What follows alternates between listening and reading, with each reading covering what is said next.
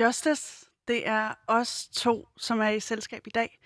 Og det har jeg glædet mig enormt meget til. Som jeg også lige sagde i, uh, i uh, Touché, så er det uh, første gang, at jeg er live. Og uh, jeg er beæret over, at det er dig, der er min gæst. Men uh, fordi du er, i dag skal vi snakke om køn, seksualitet og familiemønstre. Og uh, velkommen til dig, Justice. Tusind tak. Det, du lytter til nu, det er programmet Udråb, hvor vi øh, hver dag i ugens fem dage tager en gæst i studiet med en markant holdning. Og i den her øh, post-coronatid, øh, der øh, sætter vi ligesom en streg i sandet og kigger fremad. Hvad ville der ske, hvis samfundet skulle øh, bygges op på ny? Og i dag er det så øh, køn, seksualitet og familiemønstre, vi kaster os over. Øh, Justice, du er queer, non-binær, og så er du polyamorøs. Ja, altså poly for mig er en, er en lidt sjov konstellation, bare lige for at begynde med den. Øhm, det er noget, som for mig ændrer sig lidt. Øhm, men måske skal jeg lige begynde at... Den kan vi lige vende tilbage ja, til lige om, lige, lige, om, øh, lige om to sekunder. Fordi du hedder Justice, og hvad, hvordan er det, du udtaler dit efternavn? Øh, jeg hedder Justice Munir Morin, fordi jeg er halv iraner og halv dansker. Og det lyder meget flot. En lille smule fransk lyder det. Min familie bor også i Frankrig, så... jeg hedder Pauline Kloster, og øh, velkommen til dig, der lytter med derude. Velkommen til Udråb. Øh, Justice, vil du ikke lige forklare mig, øh, hvordan det er, jeg skal tiltale dig, når du er øh, hverken øh, mand eller kvinde? Jo, altså jeg er det, man kalder non-binær, øh, men det kan også gå af mange andre forskellige navne. Der er nogen, som kalder sig selv øh, akønnet, øh, flydende med flydende køn. Mm. Øhm, det er sådan alt det, som ikke hører ind i de her to kasser, mand eller kvinde, som er ret restriktive, øhm, er vi jo mange, som efterhånden synes, og som vi altså er blevet bekendt med her, når det er blevet et, et emne, som jo er lidt vidt diskuteret øh, igennem de sidste år. Så mine pronomer er de dem, så jeg går med øhm, de her pronomer i stedet for han, hun. Øhm, og det gør jeg simpelthen, fordi det gør mig glad. Det, øhm, det trykker ikke på nogle af de knapper, som, som jeg ellers får trykket på. Og alt det skal vi jo snakke væsentligt mere om øh, lige inden længe. Men vil du først ikke lige fortælle mig, hvad er dit øh, drømmescenarie? Altså, hvor er, det, hvor er det, du ser verden, øh, hvis du lige skulle beskrive det ganske kort? Hvor er det så, vi skal øh, hen? Ja, det er et brandgodt spørgsmål. Tak skal du øhm, have. øhm, for mig at se, så er det et scenarie, hvor vi ikke får pålagt os nogle normer, hvor vi ikke får pålagt os en masse forventninger om, hvordan vi skal designe vores liv, og hvordan vi skal øhm, udleve vores identitet. Så en mere fri, en, en mere åben verden, hvor vi også er mere øh, omsorgsfulde ved hinandens øh, behov og hinandens lyster. Øhm, og hvor der bare er plads, mere plads. Det lyder jo øh, sådan set meget fint. Jeg er sikker på, at vi også kan få den holdning øh, udfordret en lille smule. øh, det håber jeg da i hvert fald. Men øh, først og fremmest vil jeg lige sige, at øh, jeg har fulgt dit arbejde lidt, og øh, du er, øh, hvad man vil kalde, meget aktivistisk øh, med, din, med din kønsidentitet. Vil du ikke lige øh, beskrive, øh, hvad det er, du er en del af? Jo, øh, jeg sidder i bestyrelsen for noget, der hedder Transaktion, som er et... Øh, en organisation, øh, organisation meget nyopstartet øh, for, øh, for og af transpersoner. Øh, og vi laver en masse forskellige arbejde. Øh, jeg har kun været der i nogle måneder nu. Øh, men ja, altså vi, vi prøver jo både at udfordre øh, de ting, som ligesom er på dagsordenen mange forskellige steder, både med regeringstiltag, øh, med øh, klinik for kønsidentitet, øh, eller Center for kønsidentitet, det der før var seksologisk klinik. Mm.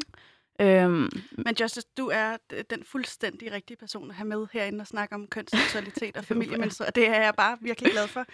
Øhm, jeg er det, man kalder en øh, ciskønnet øh, hvid øh, kvinde, som er heteroseksuel oven i hatten. Så jeg er godt klar over, at jeg har en masse privilegier.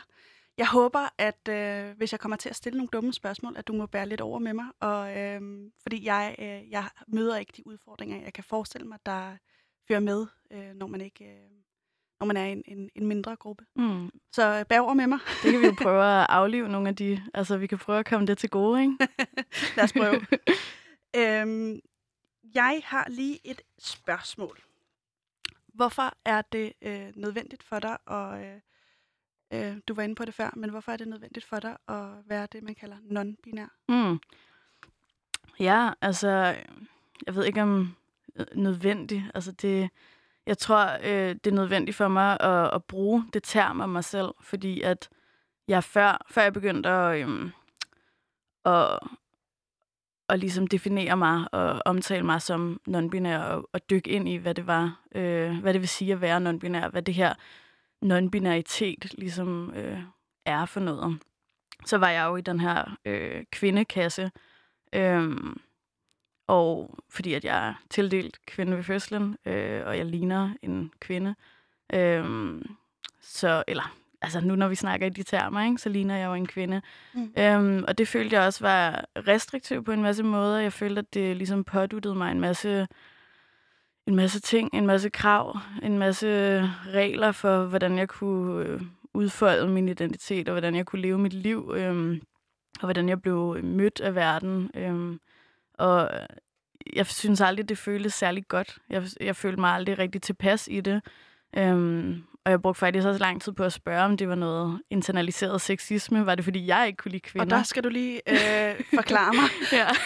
Internalis hvad, hvad? Internaliseret, ja. Det internaliseret så, sexisme. Ja, så sexisme er det, som øh, kvinder eller feminine personer bliver mødt med af, af samfundet, øh, af patriarkatet. Hvad af, kunne det være sådan helt konkret? Øh, det kunne for eksempel være sådan noget med, at øh, kvinder ikke er lige så gode som mænd, eller lige så kloge som mænd, eller at de også meget subtilt bliver øh, snakket hen over, eller at, at de bliver rørt ved i nattelivet, eller i dagslivet. At, øh, som alle de, alle de ting, alle man de faktisk ting. kender, som, som, øh, ja. som feminismen ligesom prøver at kæmpe imod. Den, Helt sikkert, ja. brede spektrum. Og når man så internaliserer det, så tager man også det her på sig, og måske kan havde sit eget køn lidt, som kvinde for eksempel, ikke? så kan man måske øhm, føle, at man ikke er lige så god nok, eller man kan prøve at træde ind i de her, øhm, de her øhm, forestillinger om, hvad man så skal være, i stedet for bare at være kvinde, eller i stedet for bare at være den, man er, mm. for ligesom at tage det på sig. Så jeg prøver lige, at, fordi nu har vi allerede været øh, en lille smule ind over køn, men hvis vi bare lige her i, øh, i, øh, i starten lige skal komme omkring familiemønstre, hvordan er det så, øh, den, den, sådan, i, i de brede termer, hvordan er det så, familiemønstrene skal se ud for dig? Uh, ja, altså igen åbent. Øh, jeg føler, at lige nu har vi den, den øh, hetero seksuelle heteronormative kernefamilie. En der er en mand og en kvinde, ja. og så øh, laver de to nogle børn. Nogle børn, ja, præcis. Og de begge to formodentlig ciskønnet. Det er i hvert fald sådan, som samfundet forestiller sig, at... Men skal vi væk fra det? Øhm, jeg synes ikke at nødvendigvis, at vi skal... Altså, vi skal ikke påtvinge noget, nogen noget. Men vi skal være okay med, at øh, det ikke lige er den idé eller den drøm, som alle går med. Og det er heller ikke noget, som alle kan gøre. Så med, med ganske få ord, hvordan skulle familiekonstellationen så se ud, øh, hvis vi ligesom kunne starte forfra? Den skal nok i, i opbrud på en eller anden måde. Vi skal nok spørge os selv om personligt, hvad det er, vi vil, i stedet for at, at have det her, det her ideal af, at man skal være gift på et bestemt tidspunkt, eller man skal i hvert fald have en lang, en enkel, øh, lang tidspartner, mm. som man formodentlig får nogle børn med, og det er jo også noget, som især kvinder kæmper meget med. Hvis de ikke vil have børn, så får de også en masse spørgsmål og en masse stigma smidt i hovedet. Øhm, så generelt lidt mere sådan åbenhed, omsorgsfuldhed, øhm, og være lidt altså, plads til den her nysgerrighed for os selv, så mm. vi kan finde ud af, hvad det egentlig er, vi vil. For jeg tror også, at mange kommer til at, at påtage sig de her forestillinger og de her idealer, uden nødvendigvis at det faktisk er det, de vil. Eller... Men hvad vil det så sige, Justice? Hvis, hvad vil det sige at være en kvinde, for mm. eksempel? Altså, det er jo et, jeg tror, det er et personligt spørgsmål, som, som der kommer en masse forskellige svar på. Jeg tror, at meget, øh, mange kan blive enige om, at det at være kvinde er også at blive øh, set på som kvinde, og blive øh, øh, underlagt en masse øh, normer og en, ja, en, en masse problemer også af at være kvinde. Øhm, mm. Men det er også et, et meget personligt og unikt svar, der kan komme for hver enkelt person, som er kvinde. Mm. Så ja, altså, men, men ja, nu når vi er ved det her køn, så kan jeg jo klart og tydeligt sige, at for mig er køn noget, vi har inde i os. Det er noget, som vi føler. Det er ikke noget, som vi er født med i forhold til vores krop. Det er noget, som vi har i vores indre. Altså, det er en... Men har det så slet ikke nogen øh, krog i det biologiske? Altså for eksempel, at øh, jeg er en kvinde, jeg har bryster og øh, okay, nu siger jeg det på radio, øh, en fisse. wow. øh, det har slet ikke noget med det biologiske at gøre.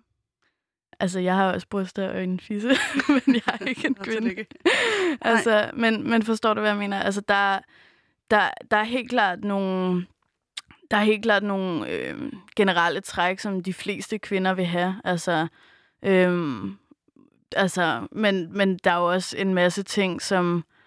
Øh, ja, fuck, altså det er jo, det er jo et, et kæmpe emne, fordi det her med femininitet og maskulinitet, ikke? hvad er det overhovedet? Er det bare sådan nogle forestillinger, vi har påtaget os? Det er jo også noget, som gennem øh, historien har, har udviklet sig og ændret sig enormt meget. Øhm, mm. Og selve det her med, at om man er transkønnet, om man er ciskønnet, altså det er jo også nogle, øhm, nogle rammer, som har flyttet sig igennem tiden også. Øhm, der er altså sådan det, det er jo desværre også noget, som er kommet med sådan den her modernisering, den her kolonisering, den her meget sådan vestlig hvide fokuserede verden, som vi lever i nu.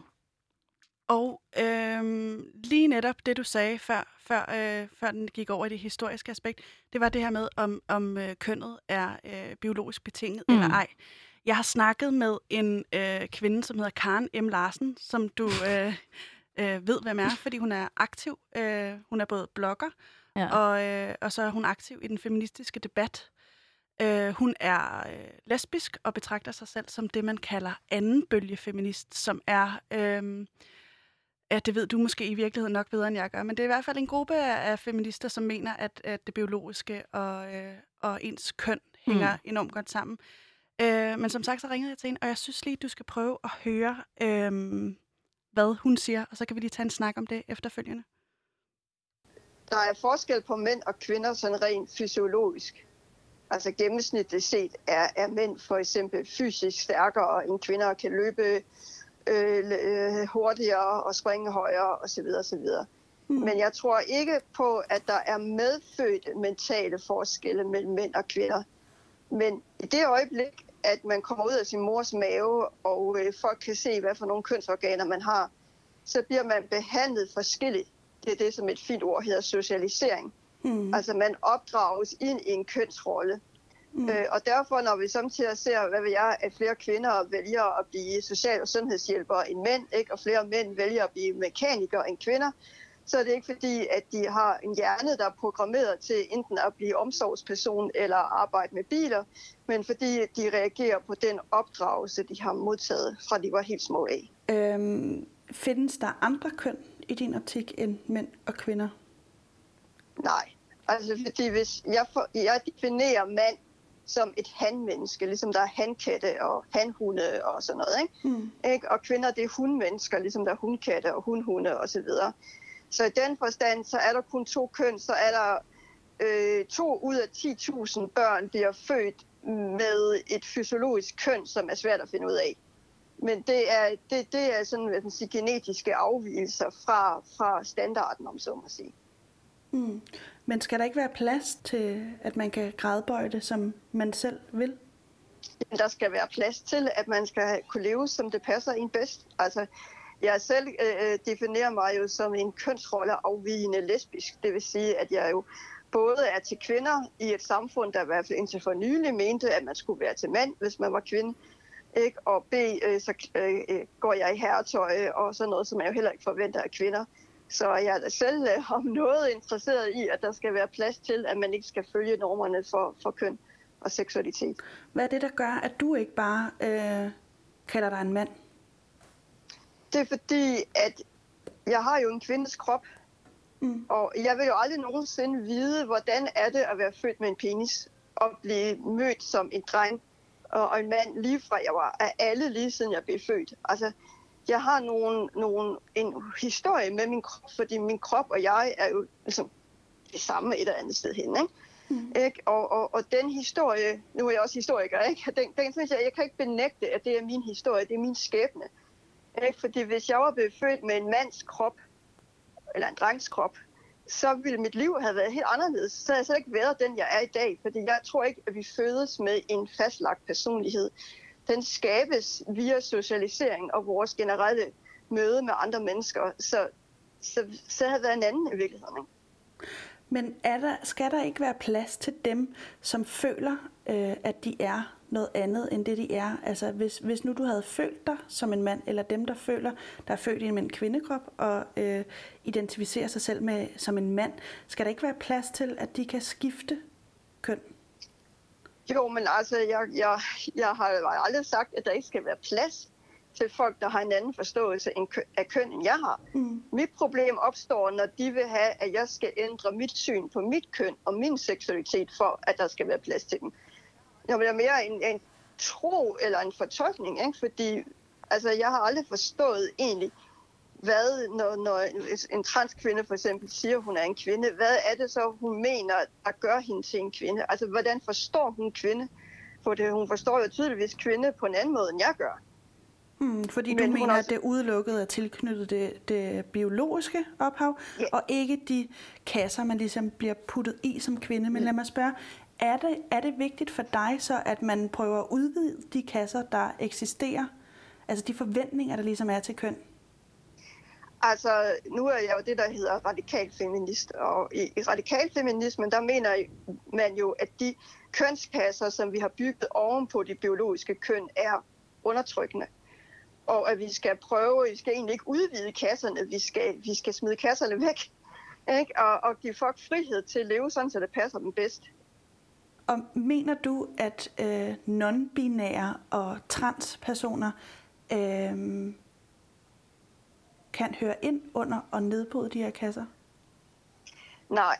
Øh, jeg er nemlig bange for, at de er med til at, at, at opbygge kasserne. Ikke? Fordi så har jeg indtryk af, at det typisk handler om, at man foretrækker de kønsstereotyper, der er knyttet til at være kvinde, og man kan ikke så godt lide dem, der er knyttet til at være mand. Og så simpelthen, så må det være, fordi jeg er en kvinde.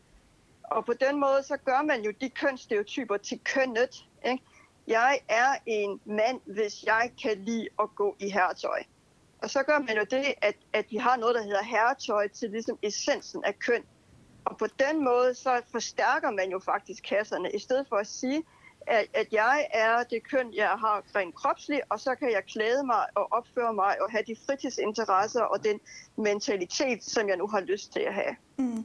Men det lyder også på dig som om, at du øh, føler, at det er mennesker, der har et valg, og øh, hvis, man, hvis man kigger lidt i forskningen, så er der en sindssygt høj øh, selvmordsrate af dem, som øh, vælger at, øh, at skifte køn. Øh, hvor, hvor jeg ikke forestiller mig, der er, nu er, at, at sker det ikke på min krop, men jeg forestiller mig ikke, at, at folk føler, at der er et, et, et valg. Jamen, altså nu spurgte du mig lige tidligere, hvorfor kalder du ikke bare dig selv for en mand? Mm. Men det er vel, fordi så, du ikke føler dig som en mand? Jamen hvad vil det sige at føle sig som en mand? Det er det, jeg ikke rigtig kan få noget svar på, for jeg tror, at mange, og jeg har tit oplevet, at transkønnede og non-binære siger til mig, at, du, at jeg i virkeligheden er non-binær, for eksempel. Ikke? Og det er fordi, de fortolker, ikke? Og, og jeg siger, at jeg identificerer mig jo ikke med de, den kønsrolle, som der er knyttet til at have min krop. Altså, jeg er ikke feminin, ikke? og jeg går i herretøj, og, og, og og kan overhovedet ikke se mig selv i fortællingen om kvinde, sådan som kvinder fremstilles, om så må sige. Ikke? Og hvordan, hvordan, Men, hvordan er det? Altså, hvis vi bare at, at, at man er blød, og man er, er moderlig, og man er multitasker, og alt sådan nogle ting. Mm. Ikke? Eller man elsker blomstrede kjoler, og, og, og babyer, og, og så videre, og så videre, og make-up, og høje hæle, og alt sådan noget. Ikke? Mm. Altså det kan jeg overhovedet ikke se mig selv i. Ikke? Nej. Så, så jeg vil faktisk sige, du har jo ikke noget valg i forhold til de følelser, du har. Men der er et valg omkring, hvordan man fortolker de følelser. Det var det, Karen havde at sige, og øh, jeg kan afsløre til jer, der ikke lige kunne høre det, mens mikrofonerne var slukket, at der blev grint lidt i studiet. øhm, Justice, er der ikke noget om det her med, at rammerne bare er for snævre til, hvordan vi forstår øh, både mænd og kvinder? Altså, at øh, kvinder bliver identificeret øh, for snævert. Jo, men det, altså, det er jeg 100% enig i. Jeg. Øh, øh, jeg synes, det var lidt, lidt svært at finde rundt i Karens holdninger her, men, men altså, nogle, nogle af de her ting, som hun siger, er jeg også enig i. Jeg er også... Øh, jeg er også meget forvirret over, hvad det vil sige at være et køn. Altså, sådan, hvordan føles det at være en mand? Hvordan føles det at være en kvinde? Det, det er jo noget af det, som har gjort, at jeg har, altså, jeg definerer mig som non-binær, fordi at jeg ikke rigtig har fået et svar på det. Mm. Øhm, hun siger også det her med, at, øh, at vi skal nedbryde de her kasser. Øh, at vi skal være fri til at gøre, hvad vi har lyst til. Jeg har øh, i virkeligheden samme mål. Ja, altså, det er da det, jeg bliver lidt i tvivl om her. Men, øh, men jeg kan virkelig godt, øh, jeg kan virkelig godt øh, sådan, se øje til øje med, med nogle af de ting, hun siger, i forhold til sådan, det her med, at man bliver pålagt en masse normer, og, og hun for eksempel ikke kan se sig øh, tilpas i at skulle gå i kjoler, eller øh, være, du ved, hyperfeminin, som, som bliver jo pålagt øh, det at være kvinde. Mm. Så det her, øh, vi kalder det også at være gender non-conforming, altså ikke at konformere til det øh, køn, som, som man, øh, man er, eller som man er øh, tildelt ved fødslen, man er socialiseret til at, at være, øh, etc., Øh, og det er jo noget af det, som hun også gør. Altså hun kønsfucker lidt, eller hvad man skal sige, ikke? Og, og gør det til sit eget.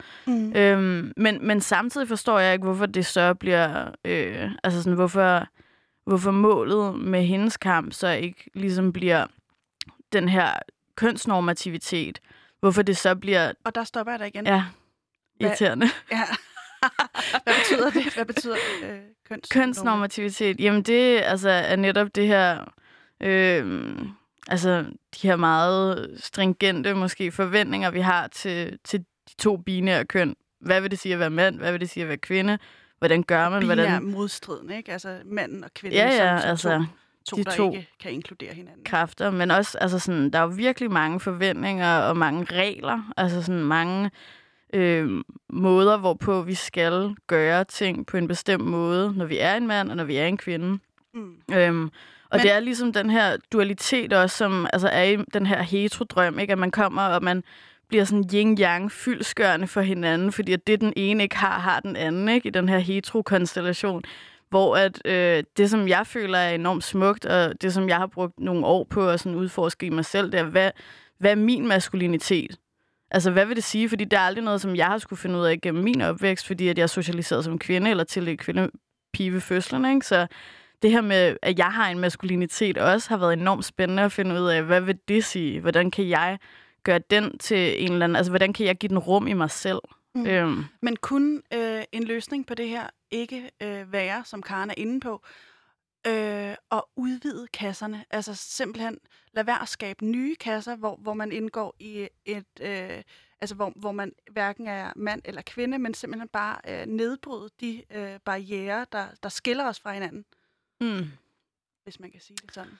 Uh, ja. Jo, altså sådan, jamen igen, det føler jeg da også, at non-binaritet og transkønnethed, og generelt det her med at stille spørgsmålstegn til køn, altså at det ligesom gør. Jeg føler, at det nedbryder kasser. Jeg føler ikke, at hvis en, en transkvinde, øh, hun siger, at hun er en kvinde, at det så lige pludselig er med til at opretholde patriarkatet på en eller anden helt vanvittig måde. Altså det, du ved, det kan det være. Der kan være nogle transkvinder og nogle transmænd, som ligesom går ind i de kasser og, og også øh, måske basher non-binær, eller basher det at være... Og basher. ja, du har mange fine ja. ord. øhm, ja, altså modkæmper, modarbejder. Ja. Øhm, altså, det kan jo være, at man som transkvinde eller transmand ligesom går ind og, og reproducerer alt det her... Øhm, som, som allerede er, øh, er stabilt, er normativt, er fastlagt og er øh, altså en del af det, som jeg også gerne vil gøre mere flydende og, og mere, du ved, ud, udsmøret. Så altså, ikke for at sige, at hverken, øh, altså både transkvinder og transmænd kan jo være præcis de mænd og kvinder, som de har lyst til at være. Mm. De kan gå ind og se ud og gøre og altså, have interesser og arbejde med, og whatever, som, præcis som de har lyst til. Men der er også forskel på, hvordan man gør køn. Øhm, og, og meget af det handler også om, hvordan man giver, giver plads til køn, og giver plads til køn i andre jeg, også. Jeg bliver lige... Åh, oh, nu skal jeg også lige hoste. øh, jeg bliver bare en lille smule nysgerrig på det her med, øh, du siger, hvordan man gør køn. Mm. Altså, fordi så, så ligger det jo igen øh, det her i det, at det er noget, man ikke er født med, men noget, man, man gør øh, vil det ikke være... Øh, altså, nu har jeg bare lige siddet og kigget lidt på det her, op til vi skulle lave det her Mm. program, øh, som, som på øh, godt gammel dansk hedder research, som, som det jo egentlig er, egentlig er det engelsk begreb. Never mind. Øh, I år 2008 var der 65 henvendelser på Seksologisk Kliniks Mhm. øh, køns, angående kønsidentitet. Mm. Altså mennesker, som føler, at de ikke er tilpas i det, i det køn, de ligesom er født som. Og øh, i år 2019 var det øh, tal på øh, 384. Altså det er en rimelig stejl mm. stigning. Og øh, det, der slog mig, da, da jeg ligesom læste de der tal, det var... Ej, er jeg bange for, at det bliver en gentagelse, men jeg, jeg tænker bare, er det ikke netop øh, det der med, vi kan ikke navigere frit i det. Der er også masser af ting, øh, som, som, øh, som hvad folk forventer, det vil sige at være en kvinde, som jeg ikke kan genkende mig selv i. Mm. Altså, skal vi ikke alle sammen bare bidrage til, til, til den, øh, hvad skal man sige, øh, verdensorden? Øhm, jeg skal lige øh, finde hoved og hale i det, du spørger Var det om. meget kompliceret? Jamen, jeg tror godt, jeg, altså, jeg tror, jeg kan starte et sted og sige, at altså, det her med at gøre køn, ikke? Altså, får vi nogensinde, har vi nogensinde haft muligheden til altså, ikke at skulle gøre køn? Er vi nogensinde, har vi nogensinde gennem vores opvækst været et eller andet øh, sted, eller øh, været i en omgangskreds, hvor vi kunne ikke tænke køn ind i det? Altså, vi bliver jo pålagt præcis fra vores fødsel, at skulle være øh, køn på en bestemt måde. Mm. Vi bliver fortalt, hvad vi kan, hvad vi ikke kan, øh, hvad, hvad der forventes af os, hvad der ikke forventes af os. Øhm, og det, det, det er jo noget, vi bærer igennem hele vores liv. Og ja, de sidste, de sidste mange år her i, i, dansk kontekst, øhm, der er vi begyndt at, øh, at snakke om køn, snakke om køn i offentlige debatter, øh, i radioen, i tv, i, i artikler. Øhm, det er ligesom noget, som, som er boomet lidt her, og det var jo egentlig også, jeg tror derfor, at jeg blev introduceret til det i første, øhm, i, altså sådan første gang, der var nogen, der sagde, at mine pronomener er hen, og jeg var sådan, okay, hvad betyder det? Mm. Ikke? Altså, og ligesom føle den her resonering, og jeg tror, at det her med, at det bliver eksponeret øhm, i en ny grad, det gør også, at folk kan resonere med det på en eller anden måde, fordi at det jo ikke, øhm, jeg tror også, at, at mange, øh, som er lidt antitrans, øhm, Øh, de er også bange for, at det er noget, som bliver påduttet, altså at transkønnethed bliver påduttet unge folk, og, og det er noget, som vi tager på os, og så øh, er vi meget forvirret. Altså det tror jeg er generelt sådan, den her forestilling, der er om transpersoner, at vi, man er meget forvirret, ikke? og man ikke rigtig ved noget, men i virkeligheden er det nok øh, altså sådan... Det, det er ikke min forestilling. Nej, nej, men, men altså generelt en, okay. en samfundsforestilling, det ikke? du, ja.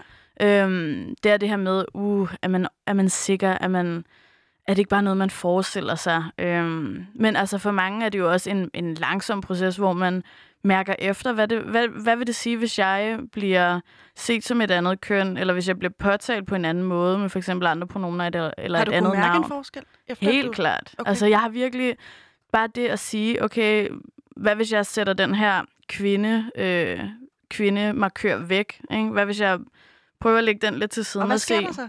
ja, hvad skete der så? Jamen, øh, der, skete, der skete så meget. Der var, det, det gav mig tid til at sådan reflektere over mig selv, og vi, virkelig sådan genfinde mig selv på en måde, hvor jeg var sådan, hmm, det har jeg sgu aldrig øh, givet plads til før. Jeg har aldrig rigtig øh, spurgt mig selv, eller tur spørge, eller tur udforske de her muligheder med, hvad mit køn kunne, eller hvad jeg kunne som person, eller hvordan min identitet ligesom kunne støbes og formes og, og udvide sig. Øhm, og jeg siger ikke, at det for alle behøver at være øhm, altså transkønnethed eller, eller andre markører, identitetskønsmarkører, som gør det. Mm. Men for mig, der gav det mig rum til at, at udforske, hvem, hvem jeg er, hvilke forestillinger jeg har, hvilke restriktioner jeg har levet under før. Øhm, Mm. og, og Fordi der er også noget i det der med, at, at hvad der ligesom bliver forventet af en, det er også ofte det, eller det kan, kan, synes jeg i hvert fald, jeg kan opleve på min, min egen krop, hmm, øh, at hvis, hvis folk forventer, at jeg er meget omsorgsfuld, så er det også meget, meget lettere at gå ind og tage den rolle. I, hmm, og, og omvendt øh, kan det være sværere for mig at gå ind og tage en, et rum, hvor jeg skal fylde helt vildt meget, selvom Mm. jeg måske nok øh, kommer til det i nogen sammenhæng. Men vil du ikke lige sige, hvor er det, hvor er det øh, køn øh, gerne skal hen, øh, efter, Mm. efter din mening? Altså, skal vi alle sammen øh, resettes, og så prøve at definere os selv fuldstændig øh, uden for det biologiske, eller hvad, hvad, hvad synes du? Altså, jeg synes, øh, jeg synes et mega godt sted at starte er at anerkende, at vi har, øh, hvad end man vil kalde det, energier eller sider, så har vi både den her femininitet og maskulinitet i os. Vi har, øh, vi har altså mulighed for at udforske de her sider af os selv. Øh, og jeg, jeg tror for mange, at det vil være sundt at prøve at, prøve at se, hvad, hvad vil det sige, hvad, vil femini, hvad er femininitet i mig, og hvad er maskulinitet i mig, eller hvordan, hvordan er det, jeg gør køn, hvordan er det, jeg tager tøj på, eller øhm, Så kan man ud. sige det helt kort? Spørger jeg lige. øhm, ja, vi får mulighed til at gøre, som vi har lyst til, uden at være påduttet en masse normer og en masse forventninger. At der er frihed. Og det leder mig faktisk fuldstændig hen til det næste emne, vi skal tale om, fordi øh, vi har været, vi har sagt det, øh, disclaimet det nogle gange, vi skal snakke om familiemønstre også. Mm. Øh, jeg kunne godt tænke mig, at vi lige kom ind og vende der, fordi jeg synes også, det er et interessant område, når man ligesom taler om køn, identitet mm. Og seksualitet, for ikke at snakke om øh, familiemønstre. Mm. Fordi det, det ligesom er, øh, øh, det er hvad, hvad mange nok vil kalde en naturlig proces. Det er et sted, hvor, hvor øh, de fleste søger hen imod i hvert fald at reproducere sig, altså få nogle nye... Øh, støbninger af sig selv. Ja. det blev blødret. De støbninger der. Men du, du sagde noget i indledningen, som jeg godt lige kunne tænke mig, at du uddybe, øh, Justice. Hvordan, hvordan er det? Øh, er det ikke meget praktisk, kan man sige, at, at man, øh, når man skal til at lave børn, at man ligesom ved, nå okay, du er kvinde, du, jeg, øh, jeg er mand, øh, lad os, lad os øh, gå herind i det her rum og lave en baby. øhm, jeg tror, hvis man er i øh, det punkt i, med, med hinanden, så tror jeg også, man ved, hvorvidt man kan lave det barn biologisk eller ej. Forstår du, hvad jeg mener? Altså, men jeg tror også, at, at altså for mange er det jo, det er jo sådan helt... Øh, det er jo nærmest sådan, en, øh, sådan et rullebånd, der bare kører, som man bliver sat på for barnsben, ikke? At sådan nu, nu, øh, nu går der bare 25 år, og så må du meget gerne finde en eller anden, som du kan indgå i en eller anden ægteskabelig konstellation med, eller noget, der ligner, og så må I gerne få nogle børn, ikke? Hvad er der galt i det? Jamen, altså for mange er det jo det, som de har lyst til. Jeg tror også i, på mange måder, at det er noget, som jeg drømmer om, at få en, mm. en konstellation med en fast partner og få et barn. Øh. Vil du så være øh, villig til at lægge... Nu har vi slet ikke faktisk været inde på det, øh, jeg introducerede dig med, men at du polyamorøs. Ja, altså... Vil du, altså det, det, bare lige for at få det øh, hamret fast, så er det, at man har flere partnere, flere kærlighedsrelationer. Det er, at man... Altså, Uh, det er også noget, det er også noget som, som ser meget forskelligt ud for mange. Men jo, altså, det er jo, altså, vi har mono, monogami, som er den her konstellation, hvor man har en enkelt partner, og, og man forsøger at kun have den enkelte partner øhm, hele sit liv. Og så er der også øhm, mere åbne konstellationer, hvor man kan snakke om, hvilke rammer man skal have i forholdet, øhm, og man skal have flere kærester, og man skal... Og det er der, du befinder dig, ikke? Jeg har befundet mig de sidste par år der, øhm, og, og eksperimenteret lidt med det. Øhm, lige nu er jeg nok sådan et sted, hvor jeg egentlig er okay med bare at have en enkelt partner, og så måske åbne op lidt senere for, om, om man skulle flytte de grænser. Jeg tror, jeg er et sted, hvor at jeg også prøver at gøre det lidt til min egen ting, øh, og det er jo også en af de ting, som er lidt normbrydende, ikke? Altså, at, at man bare, at man skaber et rum for at snakke om de her ting med en partner, at man faktisk øhm, forestiller sig, at det kan gøres på en anden måde end den her kernefamiliekonstellation. Mm. Øhm. Ja, øh, der er en holdning, som har været repræsenteret, i hvert fald i mit familielag, en, en del gange, øh, når man øh, snakker om øh, sådan noget som regnbuefamilier og øh, øh, og atypiske familiekonstellationer, selvom øh, der er mange familier, der efterhånden er ret moderne med øh, på kryds og tværs, mm. og hvordan det ellers hænger sammen. Men øh, det har været svært for mig at finde en, der kunne stå på mål for de øh, synspunkter. Men jeg fandt Stig.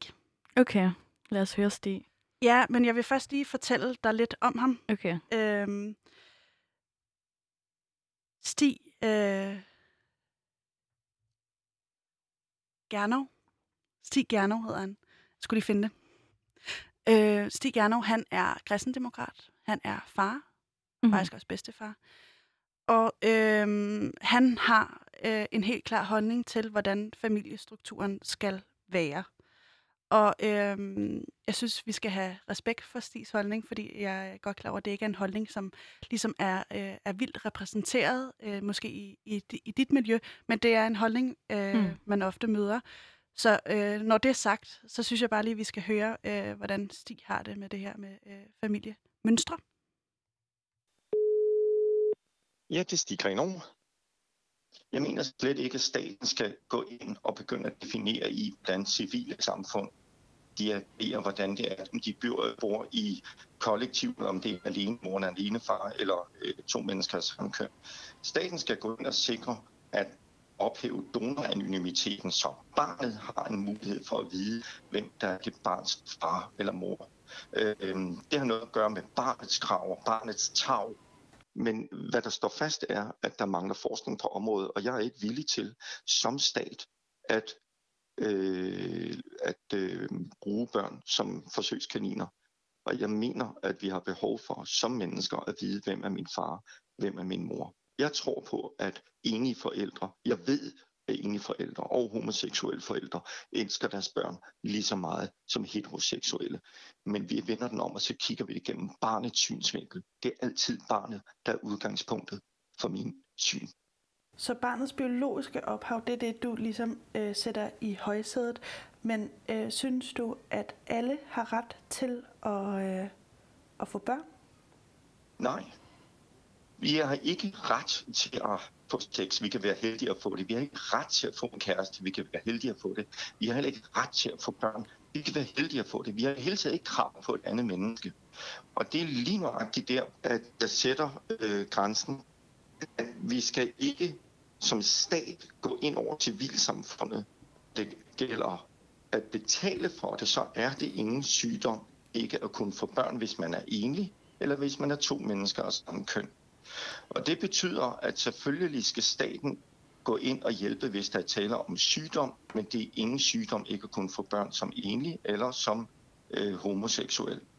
Hvad? Og derfor skal staten ikke gå ind og, og øh, hjælpe i det her tilfælde. Vi skal sikre, at der som udgangspunkt er en far og en mor. Hmm. Jamen er det ikke bare at give frie muligheder og lægge mul- altså hvis man giver øh, mm. enlige, homoseksuelle, transpersoner, mm. Øh, mm. LGBT plus personer i det hele taget, mm.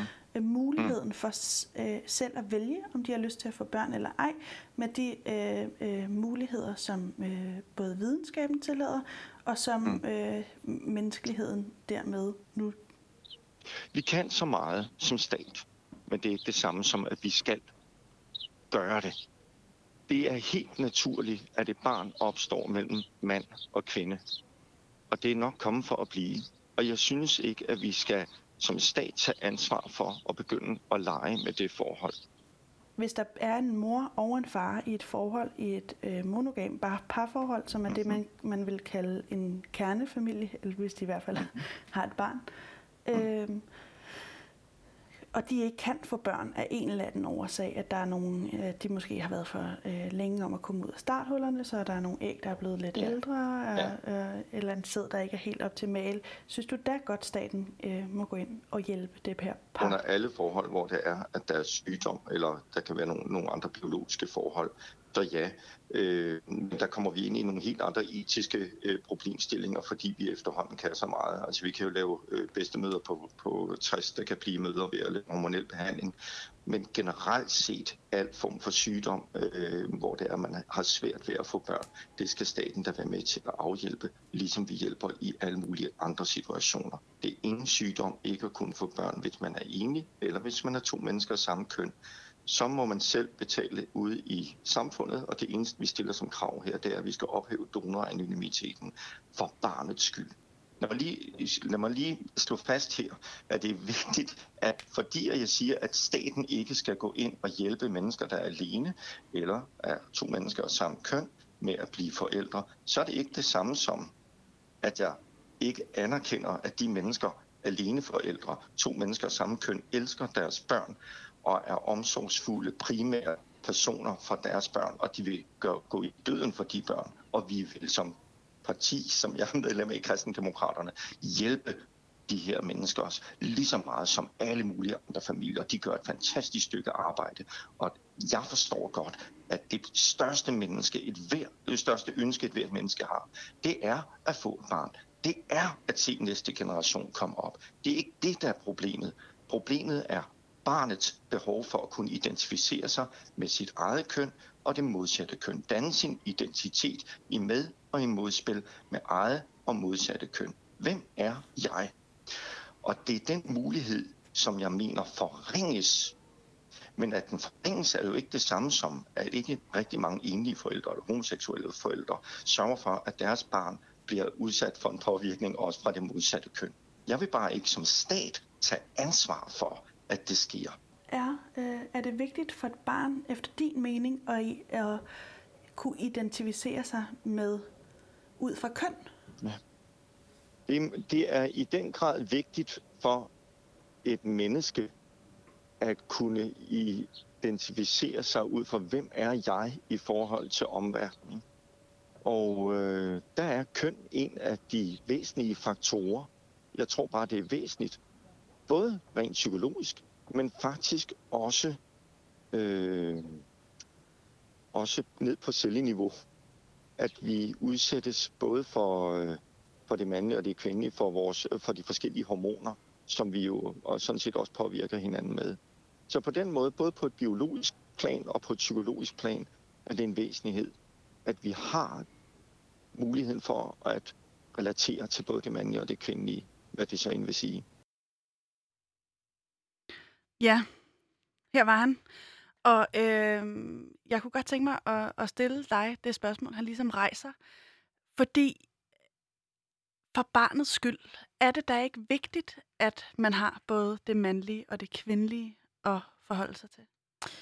Pff, altså, øhm, igen, jeg synes, at det, det er lidt svært at, at se, altså sådan, hvad, hvad, du ved, igen, hold, øh, ja, hold da op, jeg er lidt blæst bagover, men, men jeg, kan også, jeg kan også godt forstå, altså der er mange af de her bekymringer, som, som Stig øh, snakker om, som også er ret, øh, tror reproduceret. Øh, måske også valide for nogen, ikke? At, at sige, hvad, hvad hvis man ikke har en, en faderfigur? Hvad hvis man ikke har en moderfigur? Altså, øhm, men jeg, jeg tænker også, at det vigtigste er, at øh, et barn vokser op i en sund øh, konstellation og har nogle omsorgspersoner omkring sig, som elsker dem. Øh, øh, og igen, altså ud fra mit synspunkt, så er køn, det er så abstrakt og flux, og altså vi, vi bliver alligevel fodret med øh, køn gennem alle mulige forskellige medier og film, og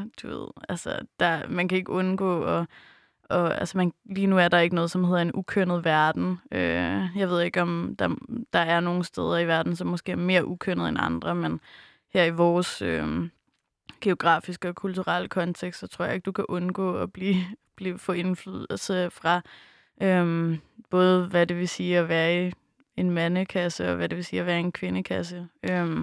Men han øh, han, han tegner ligesom også det her billede af, at, at barnet har brug for det, for at skabe sig øh, en identitet, altså at øh, man kan enten kan spejle sig i moren eller i faren. Øh, vil det være, er det ikke for, for stort et brød at slå op, hvis man skal redefinere sig selv fuldstændig uden at have de her kasser, som man enten kan identificere sig med eller tage afstand fra? Er det mm. ikke et meget godt øh, udgangspunkt? Altså, nu kender jeg jo også efterhånden øh, en masse folk, som har børn, øh, og, og de prøver at øh, opfor, op, hvad hedder det? Opfostre, for jeg synes, sige, er det noget, ja. man gør med dyr egentlig? Nej, men, men de prøver ligesom at, at skabe en kontekst for deres børn, hvor de har mere frie rammer til at udforske deres køn og, øh, og definere køn ud fra måske nogle andre normer, eller måske mere et frit rum, ikke? Men stadig, når de her børn kommer i, om det er børnehave eller skoler, eller hvad end de nu øh, kommer til at blive mødt af verden med, så bliver de her, øh, de her normer jo reproduceret igen, og der kommer til at være forventninger og krav. Øh, jeg synes, han sagde noget, som var ret spændende. Hvad var det? Øh, det var, at det her med kravet for at få børn, Øhm, og nu er jeg jo i et, et miljø... Altså retten til at få børn? Retten, ja, ja. At man kan, man kan gøre krav på det, ikke? Mm. Og jeg synes, det er så... Øh, altså, jeg vil, jeg vil elske at høre, hvor han stod i forhold til adoption, fordi det er jo virkelig øh, en af de ting, hvor mit miljø også kæmper. Altså, der er en masse... Øh, øh, altså, folk, der er blevet adopteret fra andre lande, og nu er vokset op i den her hvide kernefamiliekonstellation, uden selv at være hvide, hvor de ligesom bliver øh, reddet fra deres egen kultur. Men det er jo noget, som sådan, altså danskere og generelt hvide mennesker har gjort krav på mega længe, ikke? Men nu er øh, adoptionsbyrået øh, det eneste, der er tilbage i Danmark. Det er faktisk også... Altså, det- jeg, jeg tror nærmest ikke, de har adopteret nogle børn øh, det, det seneste stykke tid, fordi det er blevet øh, meget øh, upopulært. Ja. Øh, Fordi, ja, altså, men jeg tror mere der, at der er noget sorg, ikke? Fordi altså, når, altså, når jeg tænker folk, som får- donorbørn eller sådan noget, ikke? eller får børn via rofamilier, ro, øh, altså en, en roperson, øhm, altså de bliver jo ligesom sat i verden i en, kon, altså sådan en familie, som øh, altså i en kontekst, hvor de ligesom er der i. Øh, altså jeg tror altid, at det er lidt uh, nu bevæger vi os også ud i noget sådan etnicitetshalløj, fordi at, men skal vi så øh, ikke holde os derfra? Har man, har man ret til at øh, få børn? øhm, jeg tror, mange mennesker ønsker at få børn, øhm, og jeg tror også, at det at få børn kan gøres på mere eller mindre etisk forsvarlige måder. Øh, Jeg tror, det er et godt sted at starte at sige det, at øhm, med, altså, jeg tror, at der er mange børn i heteronormative kernefamilier, som vokser op og har det mega svært, og jeg tror, at bør- børn, som kommer til og er i en regnbuefamilie, øhm, selvfølgelig også kan have det svært, men jeg tror også nogle gange, at de, øhm, altså at man, man tager en ekstra, øh, går en ekstra længde, fordi man ved, det ikke er givet, at man har kunne få de her børn. Øhm, jeg synes, det er spændende. Det er, også, altså, det er jo et stort etisk spørgsmål, om, også i, i vores sådan, klimapolitiske øh, nutid, om, om, vi, altså, om vi bør få børn. Ikke? Mm. Men jeg synes bestemt, at, at øh, jeg tror, at med regnbuefamilier, så kommer der virkelig også øh, øh, nogle smukke børn ud af det. Jeg tror, at det er en eller anden healing, healing måde, at, at børn kan eksistere uden at komme fra det her heteronormative miljø, hvor at man også øh, altså også totalt ubevidst kommer til at reproducere de der, de der normer om, at en kernefamilie er heteroseksuel og er ciskønnet og måske også er meget sådan kønsnormativ. Alle buzzwordsene. Alle de der gode patriarkalske forestillinger wow, om, hvad der ja. gør det, ikke? ja. okay. Øhm, men hvordan, hvis du ligesom havde helt frie rammer, nu siger du, at du tror, der vil komme nogle øh, ganske fine børn ud af de her mm. regnbuefamilier, fordi, de, øh, som jeg forstår det rigtigt, fordi de, øh, du mener, at de, øh, de bliver præsenteret for nogle andre problematikker, øh, men kan det ikke også være en mundfuld at blive præsenteret for, for alle det her, øh, der ikke passer ind, eller hvad tænker du om det?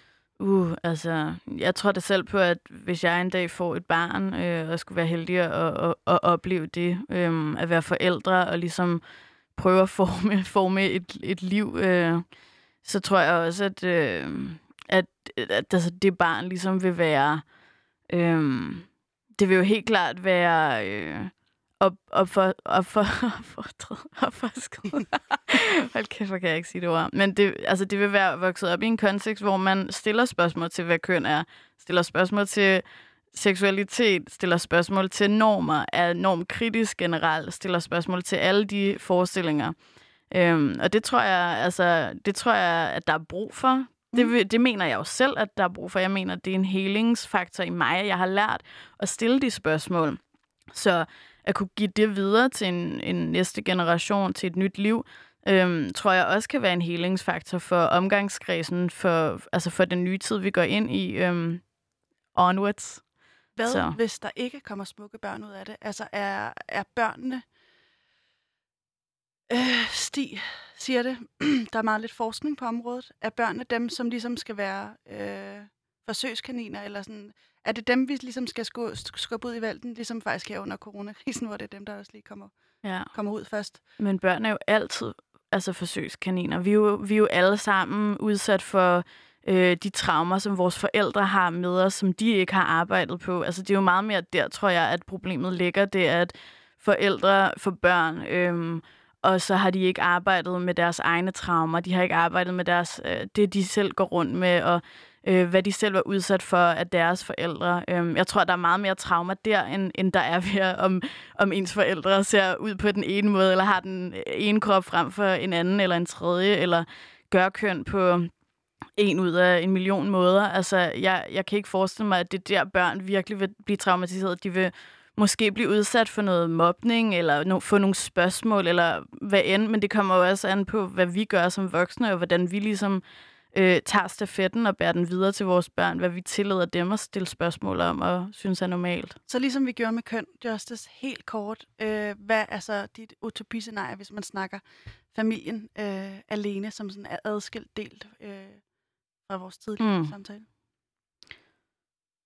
Familier skal have lov til at se ud på præcis den måde, som de har lov til, eller lyst til, øh, så længe at øh, det er sundt, og så længe at man øh, er villig til at arbejde med sig selv øh, i forhold til at få børn, og i forhold til at øh, hele sine egne traumer. Mm. Jeg vi er desværre ved at nå ved vejs ende allerede. Ja. Jeg synes, det går, det går sindssygt stærkt. ja. øh, jeg har fået stof til eftertanke. Jeg yes. vil øh, spørge dig, hvor, hvis man kan lide det, du har gang i her, altså kan lide dine pointer og sådan noget, er der så, og man ønsker, at det her utopiscenarie lige kommer en anelse tættere på, øh, hvad kan man så øh, gøre helt konkret? Øh, man kan læse noget øh, queer-feministisk teori. Øh, man kan læse nogle forfattere, øh, nogle, vi siger BIPOCs og Black øh, Indigenous People of Color. Øh, nogle bøger, skrevet af nogle forfattere. Altså skriv, læs noget normkritisk, øh, hør nogle podcasts, som udfordrer, altså udfordrer de her øh, ting. Øh, og hvordan ser utopia ud, hvis vi inkluderer det hele? Jeg ved godt, du var inde på det før med familiemønstre. Men kan vi finde... Øh, utopia queer. Nøglen, nøglen til, til, til ja. dit utopia? Queerness. Ja. ja. Hvorfor? Det er mit utopi, fordi at det har helet mig. Og fordi det er fucking badass. Og fordi det er en fuckfinger til alt det, som vi bliver pålagt os at skulle være. Ja, så så skud til det. ja. Hvis vi lige øh, hurtigt kigger på de tre vigtigste søjler, vi, vi, vi skal tage med os herfra. Øh, hvad skulle det så være? Øhm, det skulle være at stille spørgsmål til, hvorfor vi, hvorfor vi går med de forestillinger, vi går med, øhm, og prøve at være nysgerrige for os selv, prøve at udforske det os, i os selv, øhm, og prøve at være øhm, altså sårbare og være åbne over for dem, som præsenterer os noget, som vi ikke normalt bliver mødt med. Og hvem har ansvaret? Det har vi selv. Hver enkelt person. Det er en, det er en personlig rejse. Det er det altså. Og er der... Altså, er det sådan noget med, med dørskilte på toiletterne, der skal være øh, inkluderende? Øh, øh, altså, hvor, hvor starter vi sådan helt konkret? Altså, hvad er, det, hvad er de første skridt hen imod det her utopi? Mm. Jeg tror, vi starter med at, øh, at pres, pres grænserne og pres rammerne, og som Karen også siger, prøve at nedbryde de der kasser. Øhm, mm. Ja, og, og, og ikke være så forudantaget øh, om, hvad køn er, hvad seksualitet er, hvordan man gør relationer og familiemønstre. Mm. Det synes jeg lyder sindssygt spændende. og jeg vil sige uh, tusind, tusind tak, fordi du havde lyst til at dele dit tusind tak for det her Det var virkelig uh, spændende. Program. Ja. Jeg skal sige uh, tak til dig, der lytter med derude, og uh, tak til uh, vores producer her i programmet, som hedder Thor Arnbjørn. Og det her program er produceret af øh, Rakkerpak Productions. Uh, hvis du kan lide, hvad du har hørt, så vil det være en fin idé at finde øh, din telefon frem og gå ind på... øh, podcast, din podcast-app, eller download en podcast-app. Du kan også gå ind på Radio Louds hjemmeside og søge på øh, vores programtitel, som hedder øh, Udråb, og der kan du også finde øh, dig selv, Justice, hvis du har lyst. Du skal i hvert fald have tusind tak, Tak fordi skal du have. øh, du var med endnu en gang.